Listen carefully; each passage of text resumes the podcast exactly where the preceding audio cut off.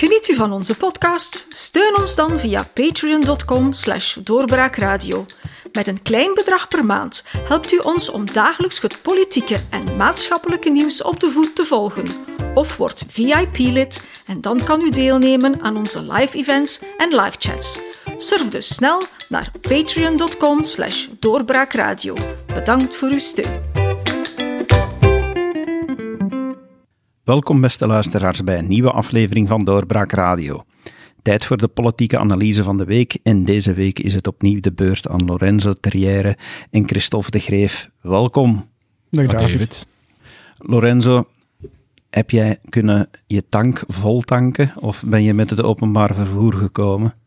Ik ben eigenlijk met de fiets gekomen. Dus, met de fiets? Uh, de goedkoopste manier uh, op dit moment, uh, denk ik. Toch niet gebruik gemaakt van het geweldige energieakkoord? Ik zal nog een paar dagen wachten tot de prijzen effectief dalen. Hè. Dus dat is een beetje de insteek, denk ik, vandaag. het is toch ook alweer het derde pakket, als ik het goed begrepen heb, mm. van de federale regering. Na oktober en januari. als we die maatregelen eigenlijk wat, wat gaan bekijken, dan stel ik vast dat dat een pakket is dat twee jaar geleden bijna ondenkbaar was. Hè. Uh, we gaan nu een stookoliepremie uitdelen. Uh, de accijns op benzine en diesel dalen. De BTW op gas daalt. Uh, dus dat is eigenlijk wel een, een, stap terug in de klimaattransitie, maar uiteraard om volledig begrijpelijke redenen. nu, als ik de op oppositie wat hoor, zijn ze misschien wel een terecht punt dat een aantal van die zaken te laat gebeuren. Hè. Als ik kijk naar ja, het, het verlaagde btw-tarief op gas, dat gaat in april tot en met september. Dat is net het moment waarop dat het verbruik eigenlijk uh, ja, lager ligt voor de mensen.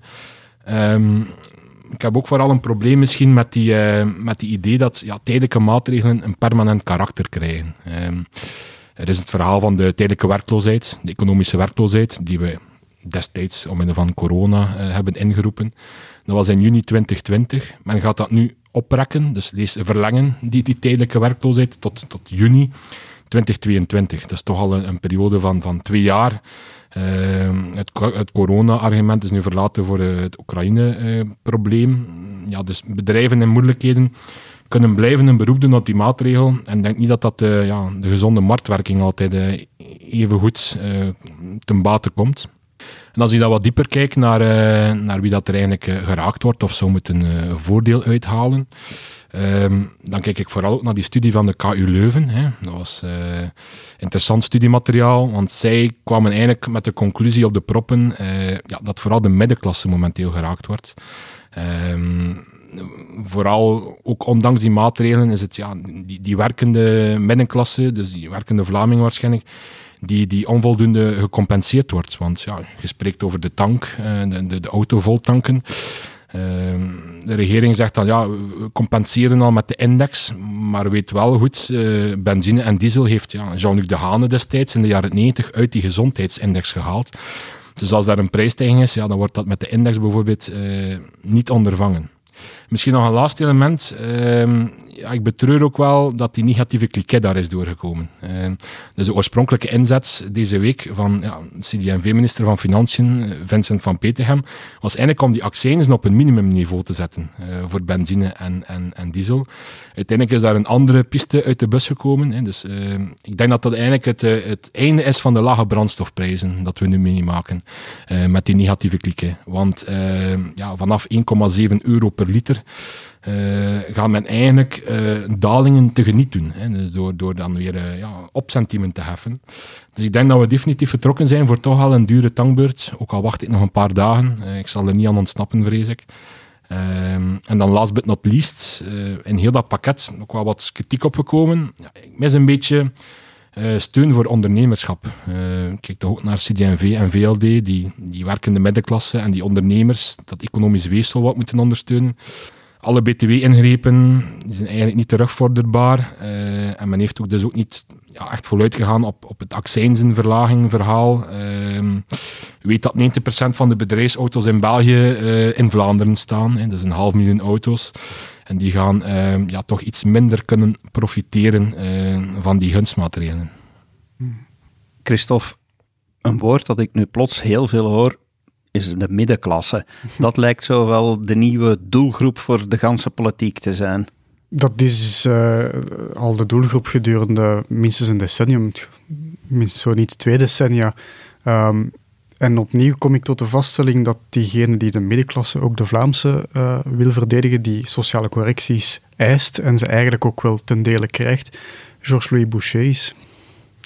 Die binnen de Vivaldi-regering eigenlijk uh, de dingen op de agenda zet. Niet alleen wat betreft uh, um, het debat over um, de brandstofpomp, ook over kernenergie. Boucher zet de toon. De rest volgt. De PS volgt. En de PvdA zit ook al, maar die, dat is natuurlijk consequent. En die pleiten niet alleen voor de middenklasse, die pleiten voor de iets uh, minder begoede dan de middenklasse. Klasse. Vind jij dat nu in de hele energiediscussie ook inderdaad te weinig gedaan wordt? Uh, want de eerste reacties die we nu toch wel merken, uh, is inderdaad, is het dit maar? Maar langs de andere kant, de premier had al toch wel enige dagen geleden aangekondigd. Verwacht er niet te veel van? Ik begrijp dat uh, mensen willen dat de regering maatregelen neemt. Anderzijds stel ik mij vaker ook de vraag van wat kan de regering hier eigenlijk nog aan doen? Uh, misschien... Op een bepaald moment moet je keuzes maken. De keuze wordt nu door geopolitieke omstandigheden opgedrongen, komt waarschijnlijk veel sneller dan verwacht. Um, bedoel, net zero ideeën. Het idee om, uh, om uh, um, um, de uitstoot te verminderen tegen 2030. Ja, we gaan er ooit eens mee moeten beginnen. Misschien dat, uh, en ik zal me daar waarschijnlijk niet zo populair mee maken door die te zeggen. Ja, het is het een of het ander uiteindelijk. Moet je die keuze eens maken. Uiteindelijk zal het misschien eens minder de auto nemen zijn, minder tanken zijn, één keer per maand, twee keer per maand in plaats van elke week. Um, ik vraag me af, wat kunnen regeringen daar nog aan veranderen. Anderzijds zouden ze eigenlijk ook moeten durven, en dat doen ze natuurlijk niet met de sociale correcties, de steekvlampolitiek die er nu gebeurt. Uiteindelijk moeten ze ook wel eens de consequentie erkennen van dat dit, um, dit, is, net, dit is onderweg naar net zero. Hè. Eh, maar dat durft, ik heb niet de indruk dat men dat durft uitleggen aan de, aan de, aan de bevolking, dat, uh, dat dat wil zeggen dat, uh, dat wordt dan vaak in, in filosofie verpakt van ja, je moet, we moeten minder consumeren met z'n allen, want de planeet. Oké, ja, dit is wat er dan nu uh, gebeurt, de consequentie. En de middenklasse krijgt het dan moeilijk wat de levensstijl betreft. Dat is eigenlijk logisch. Maar wat denk jij daarvan, Lorenzo? Want ik zie jou zo... Ik denk dat je wel een goed punt aanraakt, namelijk ja, dat, heel dat element geopolitiek. Ja. Vandaag gewoon heel wat onzekerheid teweeg brengt in, in die staatsfinanciën, in die staatskas. En dat het element geopolitiek eigenlijk zelfs bepaalde socio-economische trends gaat overstemmen in de, in, in, de opmaak van die begroting bijvoorbeeld, die we de volgende weken gaan moeten zien. Uh, wat ik wel vaststel, ja, is dat de premier toch wel ook de aandacht naar zich toe blijft zuigen. Hè. Uh, het is nu het derde energiepakket, ook vanochtend in de persconferentie hij neemt, neemt, het woord, communiceert de maatregelen. Uh, er is een bepaalde ja, gezonde concurrentie met de minister van Financiën, de CD&V-vicepremier mm -hmm. van Petegem, die eigenlijk, meneer De Croo, uh, ja, die staat een beetje in een moeilijke relatie. Het is, het is toch ook wel voor een deel proberen te verhinderen dat de minister van Financiën kon scoren, uh, eerder in het weekend. de premier probeerde het momentum naar zich toe te grijpen. dus die concurrentie tussen CD&V en VLD speelt daar toch wel, volgens mij. En misschien één ander element dat we toch ook nog moeten meegeven. Als je zegt inderdaad, Boucher is op zich wel goed bezig. heeft een aantal punten gescoord en gehaald. Ja, wie dat er zich eigenlijk vandaag volledig aan het vastrijden is, dat is toch wel de Partij Groen. Um, want die hadden eigenlijk, ja, misschien deze week toch wel de bocht kunnen maken op een aantal, uh, op een aantal thema's, zonder veel gezichtsverlies te leiden. Maar ja, toch krijgt, krijgt, mevrouw Van der Straat het niet over haar lippen momenteel om die verlenging van de kerncentrales eigenlijk uh, af te zegenen. Um, ja, er komen nu zelfs electoraal weinig lonende voorstellen als uh, die autoloze zondag en die snelheidsbeperkingen uit hun spreekbuis. Um, ja, ik sta vast dat één element in, in, in, het akkoord het bevriezen is van de treinticketprijzen. Mm -hmm. Ik denk dat ze eerder deze week aankondigden om, om te willen de gasprijzen be, bevriezen. En dan komen ze naar buiten als trofee groen zijnde met de bevriezing van de treinticketprijzen. Dat me eerder een heel mager onderhandelingsresultaat. Ik denk dan ook even terug aan ja, in de tijd van de, de coronapandemie had men uh, bekomen dat er die tien ritten uh, kaart uh, kwam, gratis. Dat is het misschien allemaal niet, zo, niet zozeer. Ja, Groen wil zelfs verder gaan. Ze willen, dacht ik ook, uh, autoloze zondagen opnieuw invoeren. De snelheidsbeperking op de snelweg tot 110 km per uur. Dus uh, opnieuw een set collectivistische maatregelen. Ik vind wel dat zij wat dat betreft consequenter zijn dan de rest van de regering. Dus je kan het hen moeilijk verwijten dat zij vanuit hun groene filosofie echt wel streven naar een, een collectieve ommezwaai van de samenleving. Um, ik wou nog iets over Boucher zeggen. Um, ik heb de indruk dat de, de Vlaamse politici in de Vivaldi-regering um, het overkomt hen meer. De crisis zal natuurlijk later toeslaan in Vlaanderen. Vlaanderen is nu eenmaal een rijkere regio. Georges-Louis Boucher wordt denk ik voor een groot deel ook nog gedwongen door de Waalse onderbuik. We vergeten misschien dat de voorbije weekends in Wallonië actie is gevoerd aan brandstofdepots. En dat zijn dan geen tientallen mensen, dat ging soms over honderden mensen. Boucher heeft uh, onlangs ook nog, dat zijn kleine incidenten, uh, een uh, portie bakbloem over zijn hoofd gekregen toen hij in Namen ging brunchen met partijmandatarissen. dat waren dan gele hesjes die dan op zondag gingen militeren.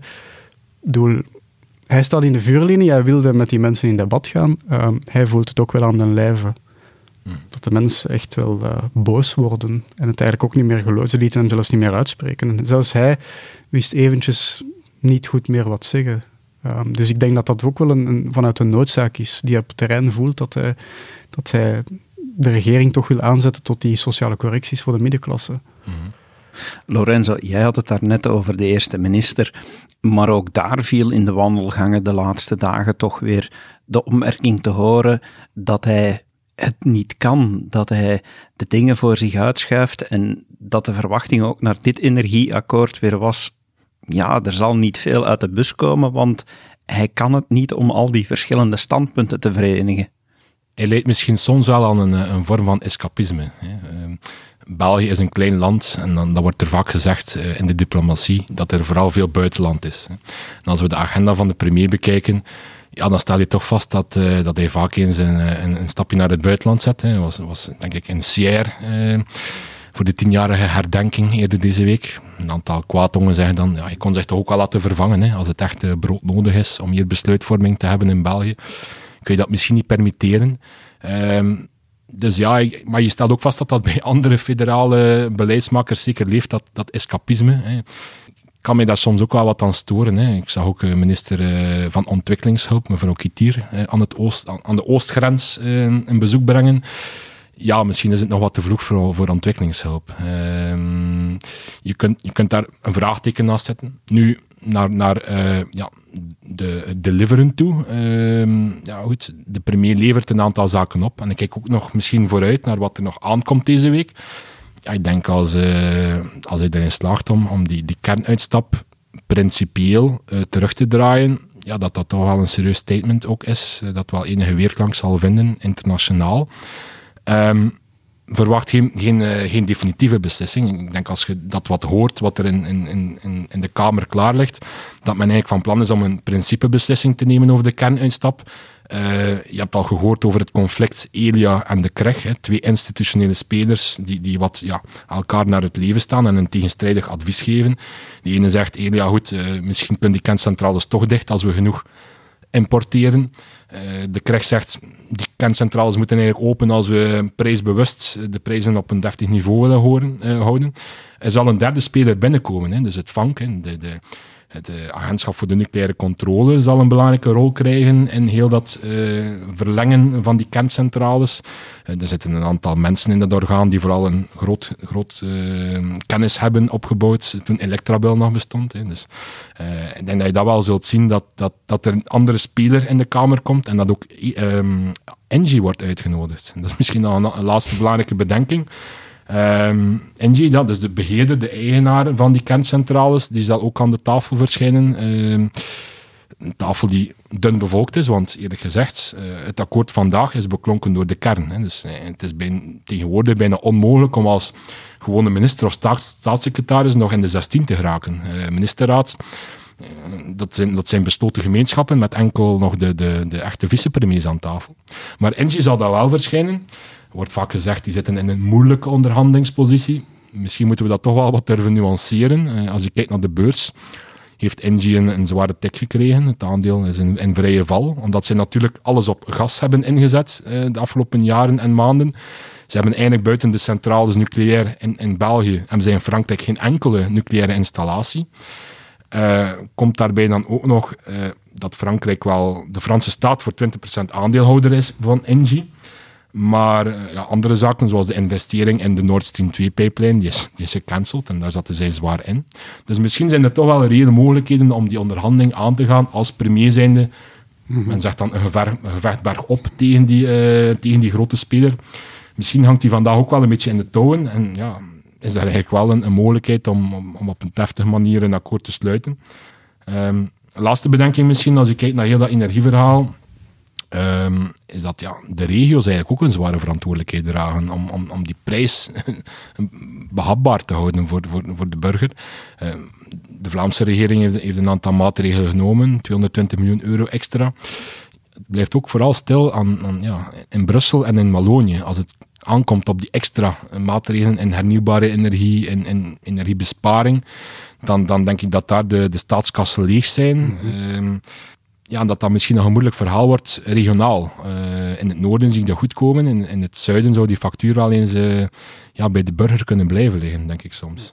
Ja, Christophe, je had het inderdaad ook al over die transitie en durven vertellen wat daar komt bij kijken. Scoort de Vlaamse regering daar dan beter in met de maatregelen die ze nu genomen hebben om te kiezen voor die renovatie, zodat er beter geïsoleerd wordt, zodat er meer warmtepompen kunnen geplaatst worden? Het is alleszins daadkrachtiger. Hè? Zoals Lorenzo zegt, in uh, Franstalige België beweegt er op dit gebied uh, weinig. Men heeft het daar nog over conceptuele dingen, zoals een uh, overlegcomité voor het klimaat bijvoorbeeld. Mm. Dus men is daar niet echt, men, men, is niet echt bezig met de rekening.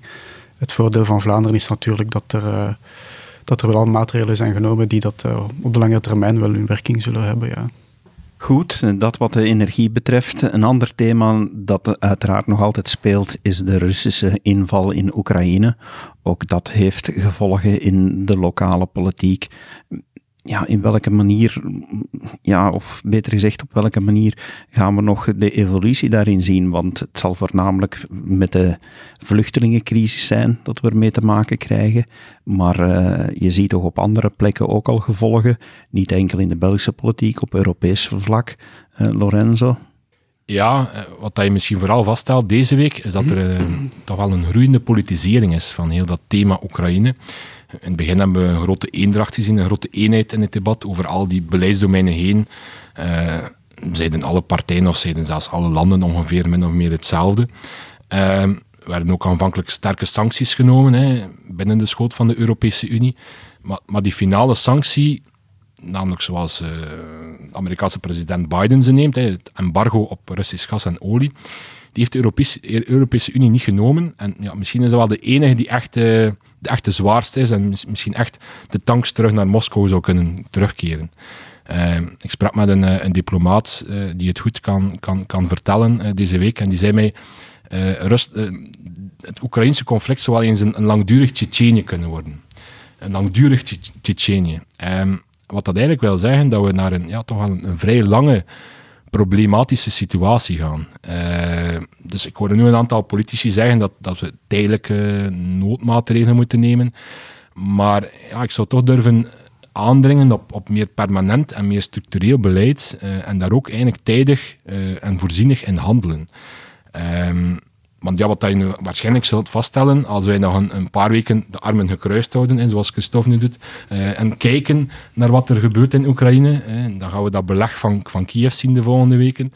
Uh, dat zal dan misschien pijn aan de ogen worden, doen, pijn aan de ogen doen voor, voor ja, heel wat burgers hier, dat we eigenlijk een bystander zijn. Maar ook voor de Oekraïnse bevolking zal dat pijnlijk zijn om, om te vast te stellen dat daar Europeanen met gekruiste armen staan. Um, dat zou misschien ook wel eens het, het, sentiment tegenover het Westen wat, wat ja, neerwaarts kunnen bijstellen, als je mij vraagt.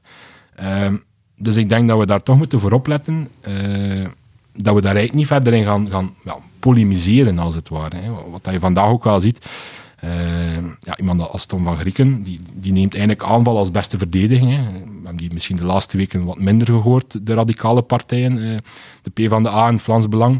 Ik denk dat Vivaldi zelfs eigenlijk een, een, een, manier had gevonden om die partijen wat, wat, wat stiller te houden door heel dat militair conflict en die affiliatie met dat Russische regime. vandaag, vandaag hoor je eigenlijk dat, dat, ja, dat Tom van Grieken ook met een, een eigen programma op de been komt, dat toch wel zich wat afzet tegen die die eenheidsworst of tegen die, eerste denklijn die, die nogal unisono was. Uh, maar nogmaals, ja, het idee van tijdelijke opvang, daar, daar, daar kan ik me daar toch moeilijk in vinden. Hè, want de, de, de, media rapporteert vaak, ja, we zitten nu in dag 16 of dag 17 van het conflict, maar eigenlijk zijn we al bezig sinds 2014 met die, die inval van Rusland, of die inmenging van Rusland. De oorlog leeft al sinds 2014 in Oekraïne. Hmm. Dat is iets dat men inderdaad vergeet, ja. Ik had mijn armen daar straks trouwens gekruist, Lorenz, omdat het hier uh, frisjes is. Dat is het feit dat de verwarming al een beetje lager staat. Het zijn besparingen. Het zijn besparingen. Um, politisering van het uh, Oekraïne-conflict links-rechts. Uh, ik vind dat Vlaams Belang zich daar eigenlijk weinig zorgen in moet maken, want ik zie... Ik, ik mocht ik consultant zijn voor de Vivaldi-regering, denk ik dat men veel harder had kunnen hen tackelen. Ik, ik, merk, men probeert dat wel. Vlaams Belang verdedigt zich ook goed. Ehm, men kan duidelijk stellen dat de figuren in bij Vlaams Belang die, uh, die iets liever naar Poetin kijken dan naar West-Europa, dat die eigenlijk niet echt deel uitmaken van de, de gremia van de partij, dat dat enkelingen zijn. Um, en men erkent ook de Oekraïnse soevereiniteit en het recht van de Oekraïners um, om een eigen staat te vormen. Daar kan je lang over discussiëren wat dat concreet betekent.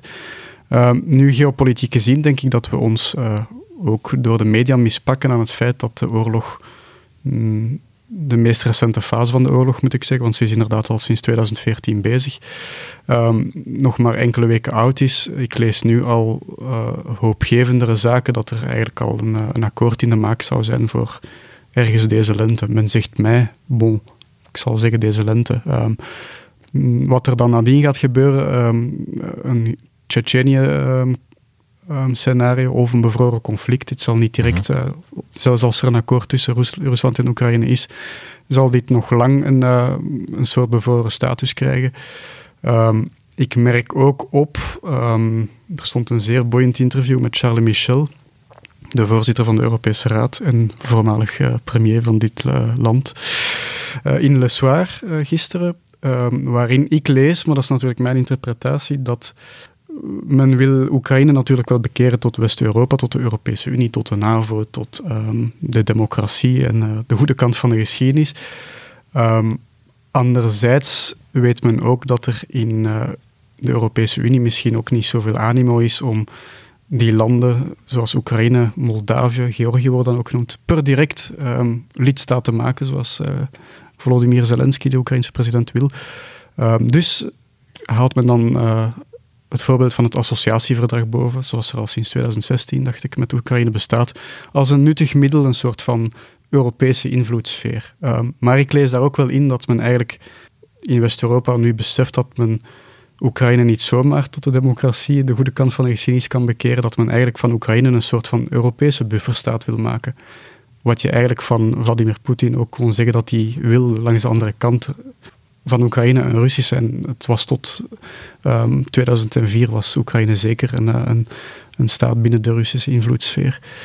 Um, wat mij in dat interview met Charles Michel ook opviel, was het, uh, de, de eerlijkheid. Uh, zei onomwonden dat, um, dat er een lijn in het Europese beleid zit sinds Emmanuel Macron in 2017 een, een beroemde speech aan de Franse Sorbonne hield voor meer Europese integratie, voor meer, Europese soevereiniteit. Nadien kwam de COVID-crisis. Charlie Michel zegt daarover, dat was ons moment, dus voor de Europese Unie, uh, waarin dat we onze economie kunnen integreren op Europees niveau en dat er eigenlijk een grote soevereiniteitsoverdracht is dankzij de Europese relance-materialen na de COVID-crisis. Wat zegt hij nu in de zwaar? Ah, de Oekraïne-oorlog, uh, of de meest recente fase daarvan, dat is het moment om het energie- en defensiebeleid aan de lidstaten te onttrekken en dat op groot Europees niveau te organiseren.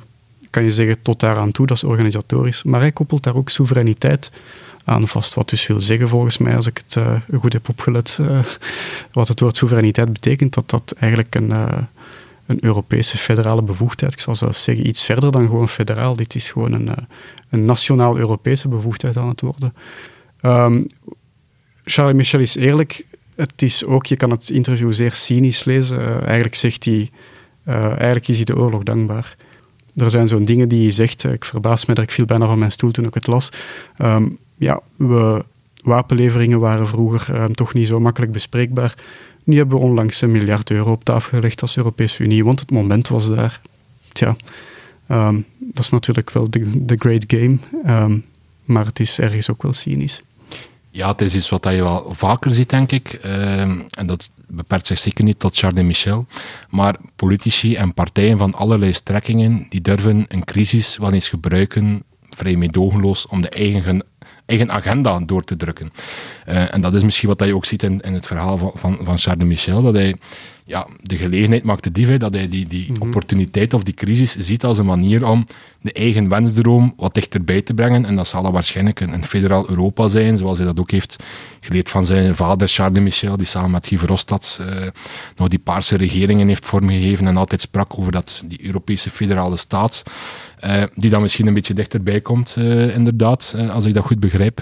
want ik zie dat wel effectief gebeuren, hè, dat Europa een aantal, een aantal bevoegdheden probeert wat meer naar zich toe te trekken, of althans daar meer politieke invulling durft aan te geven. een aantal hefbomen die ze verdragsrechtelijk vandaag al hebben, die gaan ze ja, echt ter harte nemen, denk ik, en gewoon proberen maximaal in te vullen, hè, zoals ze dat in de Vlaamse regering in het verleden ook wel gedaan hebben. Ja, en als ik dan kijk naar, naar hoe de asiel en naar dat domein asiel en migratie, uh, dan doet Vlaanderen dat ook misschien. Dan doet de Vlaamse regering dat vandaag ook. strict sensu is ja, meneer Medi bevoegd hè, voor asiel en migratie en voor noodsituaties qua opvang. Maar alle deelaspecten die daaraan verbonden zijn aan een humanitaire crisis, ja, onderwijs, inburgering, huisvesting, ja, die gaat Vlaanderen eigenlijk ja, zeer proactief uh, proberen in te vullen en zelfs ook naar zich toe trekken. Uh, ik had een beetje het, warmste weekgevoel hè, uh, de afgelopen dagen. Het is altijd zo de gezellige periode naar kerstmis toe, waarbij dat er eigenlijk opmerkelijk veel geld wordt ingezameld in Vlaanderen voor alweer een, een inventief project. Ik vind dat eigenlijk wel altijd opmerkelijk dat men daarin slaagt om die middelen samen te harken dat toont eigenlijk gewoon aan dat Vlaanderen helemaal geen verzuurd, egoïstisch, egocentrisch volk is, maar ook wel solidair kan zijn en, en ja, begripvol kan zijn en meegaand kan zijn. Misschien zelfs gastvrij kan zijn.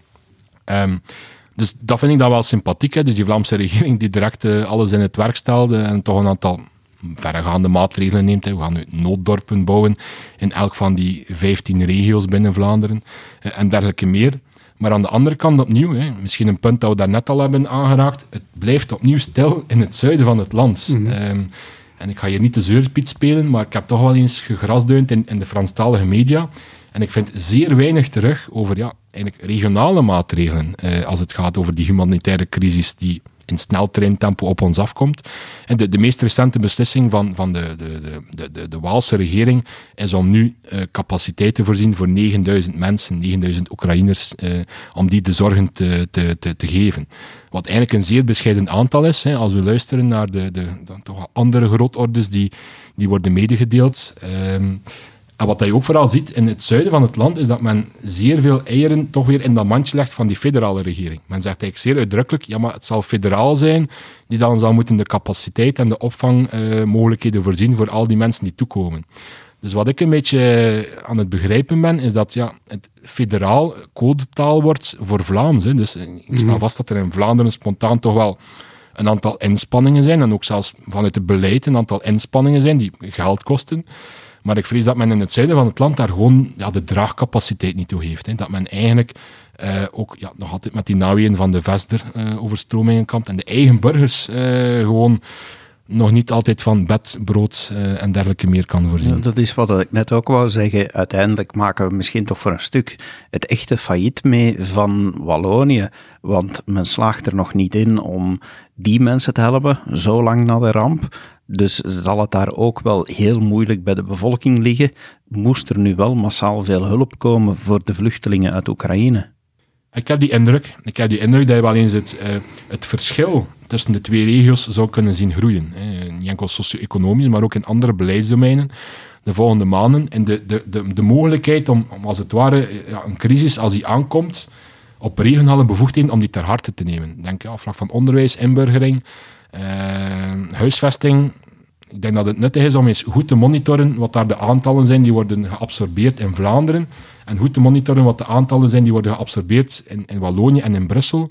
En om daar eigenlijk eens de, de echte solidariteit, misschien in harde termen van het woord, aan af te meten. Hè. Dus eh, ik begrijp vaak dat, dat Vlaanderen centrum stemt en een, donker verleden heeft en dat Wallonië dan eerder progressief is en meer links georiënteerd is.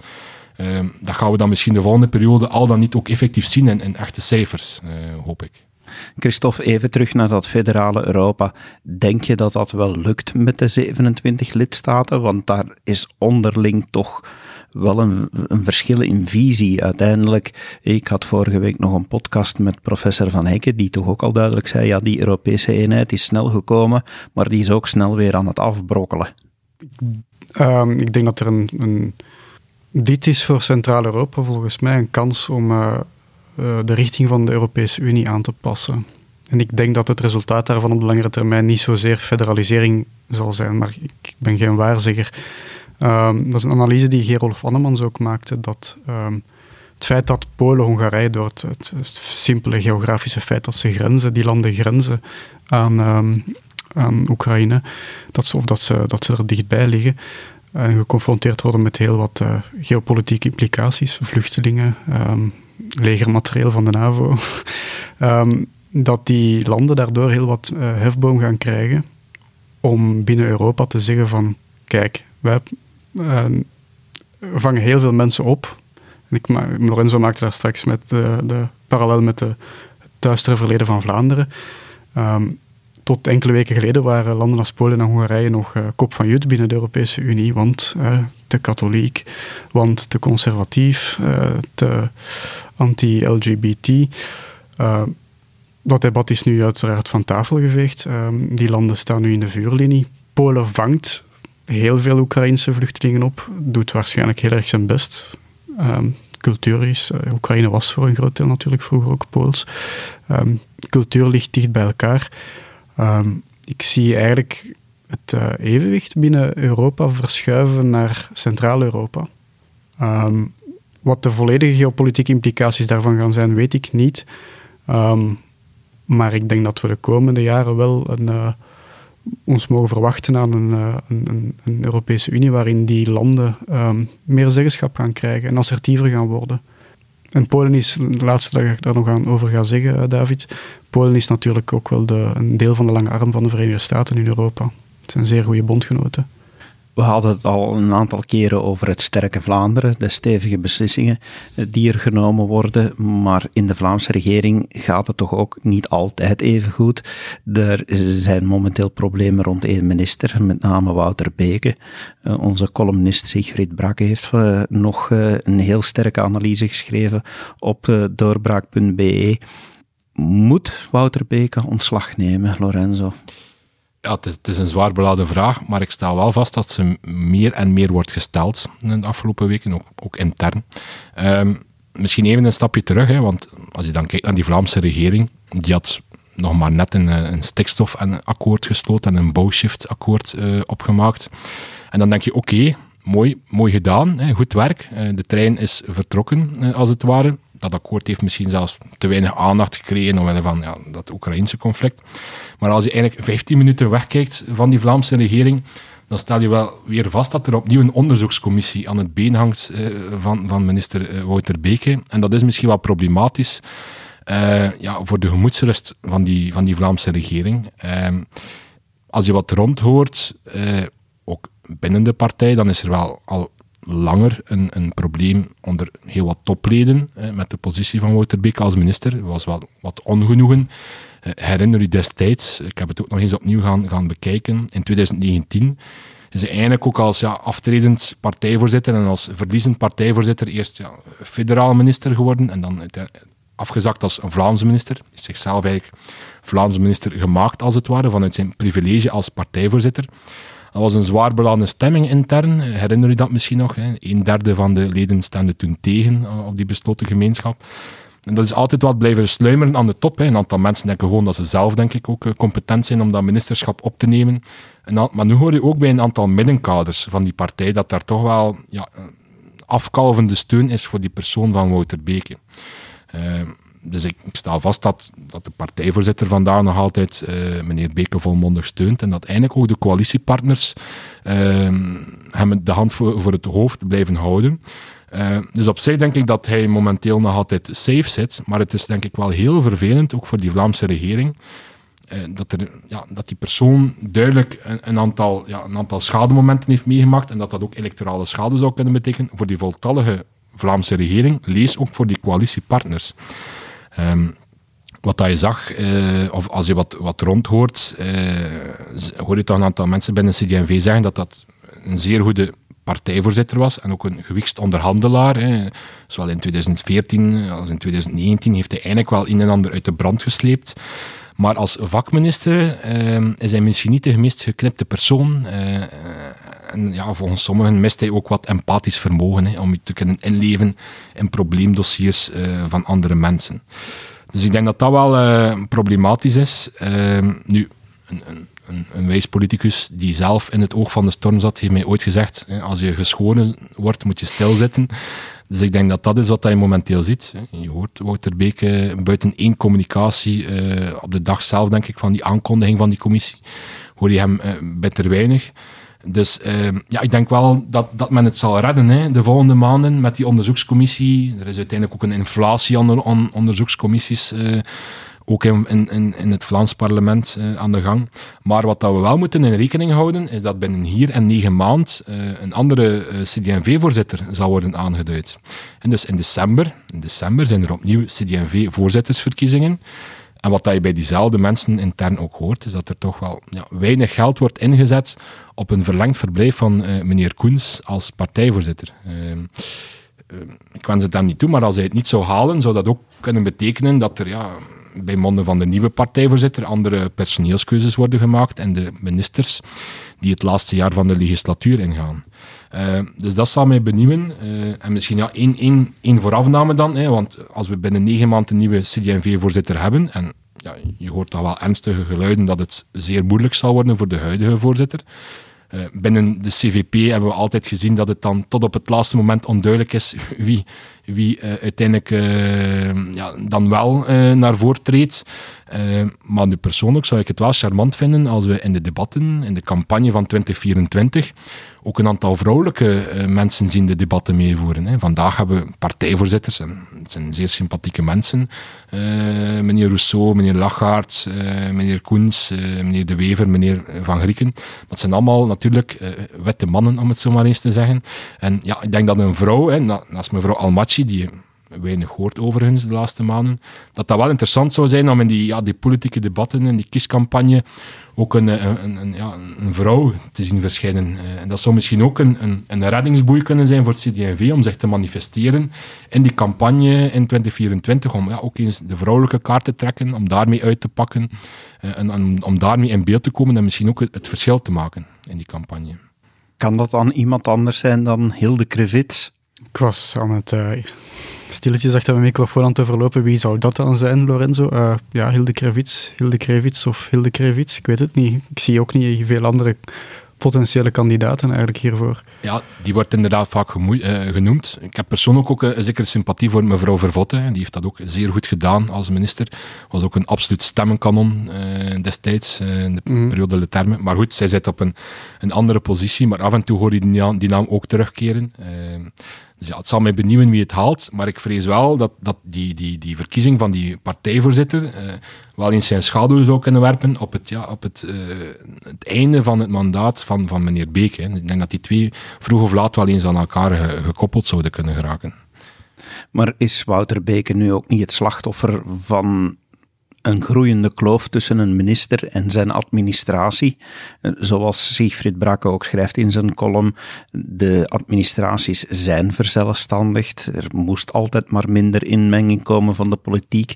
Maar is dit nu de keerzijde, dat een minister daar ook helemaal of toch te weinig invloed op heeft gekregen? Zou wel eens goed kunnen. Afstand van de eigen administratie, afstand van wat er leeft.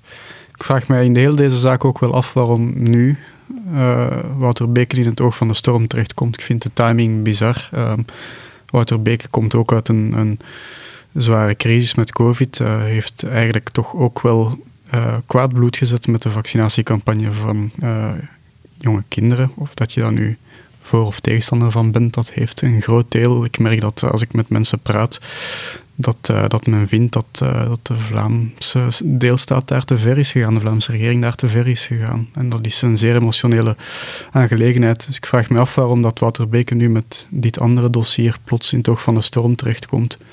Um, ik heb ook de indruk dat, maar dat is niet alleen Wouter Beke, voor Wouter Beke het geval, dat is het geval voor een hele generatie politici. Uh, je stelde daar straks de vraag aan Lorenzo, moet Wouter Beke ontslag nemen? Men vereenzelvigt zich eigenlijk zelden nog met de symbolische functie van de politicus, de verkozen minister die beleid uitvoert. Um, moet men ontslag nemen? Ja, men moet ontslag nemen als men vindt dat, uh, dat het vertrouwen met de, uh, de bevolking uh, geschonden is en men um, eigenlijk symbolisch niet meer in zichzelf gelooft om verder te regeren. Dat is, dat is een deel ethisch, dat is, dat is beleefdheid. Uh, maar ik zie dat uh, bij deze generatie politici niet meer gebeuren, omdat men blijkbaar die symbolische rol niet goed meer beseft. Dus afstand tot de eigen administratie, afstand tot de bevolking. Het lijkt alsof men persoonlijk, alleen maar persoonlijk nog mensen als Wouter Beke kunnen aanvallen. En je kan natuurlijk zeggen, Wouter Beke is niet persoonlijk schuldig voor wat er gebeurd is uh, in de kinderopvang. Maar daar gaat het eigenlijk ook niet om. Misschien nog een laatste element eraan toevoegen, want terecht, hè, als het persoonlijk moeilijk wordt. Een ander element om ontslag te nemen, of een andere motivatie, is soms eh, als het functioneren van de minister eigenlijk onmogelijk is, mm -hmm. ja, omwille van de geloofwaardigheid die weg is. En dat is misschien in dit verhaal ook wel een issue. Hè. Als je niet meer echt kunt geloofwaardig functioneren, dan wordt het natuurlijk moeilijk. Uh, ik denk dat David ook aanhaalde, ja, de kloof, oh, Sigrid Brakke haalde het ook aan, de kloof tussen administratie en minister was dermate groot ja, als die kloof dermate groot is, dan is het misschien ook gewoon tijd om een meer verzoenende persoon daar te positioneren, die wel die kloof kan overbruggen. Hè. Ik kan mij wel inbeelden dat er uit de koker van CD&V nog een aantal hè, ACW of progressieve mensen in de, in de welzijnssector uh, werkzaam zijn of een achtergrond hebben in welzijn, die misschien wel meer voeling hebben met die administratie, of waarbij dat die, die administratie vlotter uh, over de deur kan komen bij de minister. En ja, dat zou dan wel het functioneren van de minister in kwestie uh, ja, beter maken. Dus op, op, dat punt zou het wel weer een motivatie kunnen zijn om toch uh, de eer aan uzelf te houden. Moet Margot Kloet zich beginnen op te warmen langs de zijlijn? Dat is nog een andere naam, maar ik dacht opnieuw aan Inge Vervotte, die ook nog altijd hè, in het ziekenhuislandschap een heel uh, prominent persoon is. Is dit nu een periode waarin de C van christelijk, voor zover die bij sommigen nog voor christelijk staat, klappen krijgt? Want ook uh, zien we toch wel een verandering bij de ja, halfzusterpartij, zullen we ze nog noemen, aan Franstalige kant, CDH. Uh, ja, de naam is ook al te graven gedragen. -hmm. Ja, les engagés, waarmee uh, alles en niks wordt gezegd. Dus uh, de CDH, de halfzusterpartij, eigenlijk waren ze dat niet meer van CD&V. Want de C bij CDH stond ook niet meer voor het, uh, het christelijke, maar voor het centrum dat het uh, democratische humanisme samen moest brengen. Um, heeft zichzelf herdoopt tot Les Engagés. Een beetje, het deed me denken eigenlijk aan, aan de beweging achter Emmanuel Macron in Frankrijk enkele jaren geleden. Um, dus dat men eigenlijk een naam kiest die niet meer voor een, een, bepaalde ideologie staat, maar die eigenlijk waarmee je veel richtingen uit kan. Het verbaast mij enigszins dat uh, ik had wel verwacht dat CDH zich uh, nog meer zou ontdoen met alle, um, na, van alle verwijzingen naar het christelijke. Um, ze gaan wel heel erg ver. Um, ik denk dat de CD&V dit vooral niet zou moeten doen, want CDH was eigenlijk al ooit een schim, was al een schim van wat ze ooit geweest waren. Um, de partij is eigenlijk in vrije val sinds midden jaren 90. Um, in het federaal parlement hebben ze nog een fractie van zes personen, met enkele goede mensen in. Um, maar het was opmerkelijk bijvoorbeeld afgelopen weekend toen uh, Les Engagés werd voorgesteld, dat de voorzitter Maxime Prévost duidelijk had te kennen gegeven aan de, de grotere boegbeelden, de weinigen die er nog zijn van de partij, dat ze eigenlijk niet prominent in beeld moesten komen, zelfs thuis moesten blijven. Want Les Engagés moet um, met nieuwe gezichten komen. Ik, uh, dit lijkt mij eigenlijk eerder uh, blindelings afsteven op een muur aan hoge snelheid. Ik, ik, ik, ik, begrijp het niet goed. Ik begrijp ook niet welke politieke profilering, welke Franstalige men denkt aan te spreken hiermee. Um, het CDH wist, en zeker de oude rotten wisten dat al lang, um, er moest een rebranding aankomen. Je zit daar met de moeilijkheid dat ehm, eigenlijk is er voor hen weinig ruimte in Wallonië, ook Wallonië ontkerkelijkt. Um, CDH was een plattelandspartij, of zo zagen ze zichzelf. Ik weet niet of je met de naam Les Engagés in, uh, in het verre Luxemburg en in enkele naamse dorpen en steden nog, uh, ja, wordt nog bestuurd door Maxime Prévost, door de voorzitter. Um, in Namen zal dat misschien nog pakken. In uh, het Luxemburgse platteland weet ik niet of dat, uh, wat er nog rest aan de traditionele kiezer van CDH uh, gaat aangesproken worden door uh, les engagés. Dus ik zou eigenlijk aanraden aan, aan de Vlaamse Christen-Democraten, als je iets niet wil doen, als, doe dit niet. Hè. Maak, dit is een, een, een schoolvoorbeeld van hoe je het waarschijnlijk niet gaat moeten aanpakken.